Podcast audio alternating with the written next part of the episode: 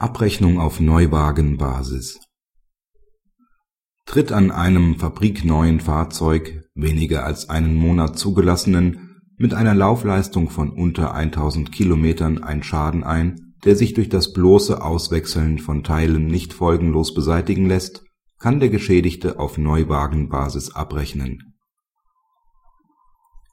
Das Fahrzeug des Klägers eine Woche zugelassen, Laufleistung 623 Kilometer, wurde am Heck Blechschaden beschädigt, wobei der Reparaturaufwand sich nach den Gutachten im Bereich von 3000 Euro bewegte.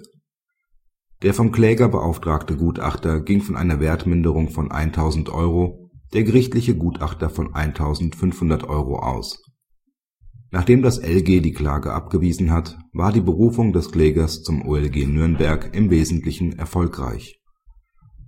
Das OLG weist auf die unterschiedliche Rechtsprechung bei einer Abrechnung auf Neuwagenbasis hin. Weitgehende Einigkeit bestehe zwar dahingehend, dass ein Fahrzeug als fabrikneu gelte, wenn es jedenfalls nicht älter als einen Monat ist und eine Fahrleistung von nicht mehr als 1000 Kilometern aufweist Unterschiede bestehen aber in der Beurteilung der Frage der Erheblichkeit der Beschädigung. Teilweise wird vertreten, dass der Schaden einen erheblichen Prozentsatz des Neuwerts ausmachen (bis zu 30 Prozent) und/oder dass der Schaden qualitativ erheblich sein müsse (so, wenn tragende oder sicherheitsrelevante Teile betroffen sind). Das OLG Nürnberg schließt sich der Auffassung an, wonach es für die Erheblichkeit schon ausreiche, wenn nicht nur ein bloßer Bagatellschaden sondern ein Schaden vorliegt, der sich durch bloßes Auswechseln von Teilen nicht folgenlos beheben lässt. Beide Gutachter sind hier zu dem Ergebnis gelangt, dass die möglichen Reparaturwege nicht spurenlos erfolgen (Seitenteil herausnehmen und neu schweißen bzw. ausbeulen, spachteln, lackieren) und Garantieansprüche gefährdet sein könnten. Somit habe der Geschädigte einen Ersatzanspruch auf Basis der Anschaffung eines neuen Fahrzeuges Kritik Ausgangspunkt der Schadensberechnung ist der Maßstab der Erforderlichkeit (§ 249 BGB).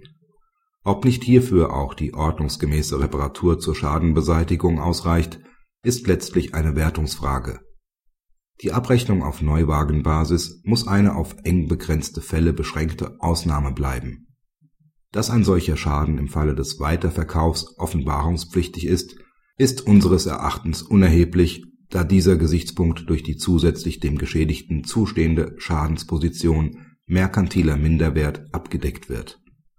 Gleiches gilt für etwaige weitere Nachteile, wie zum Beispiel der Garantie, die, soweit sie tatsächlich unfallbedingt auftreten, dem Geschädigten auch ersetzt werden müssen.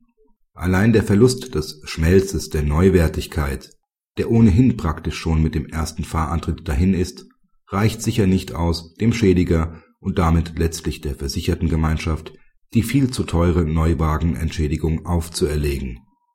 Dieses Verfahren ist nun beim BGH anhängig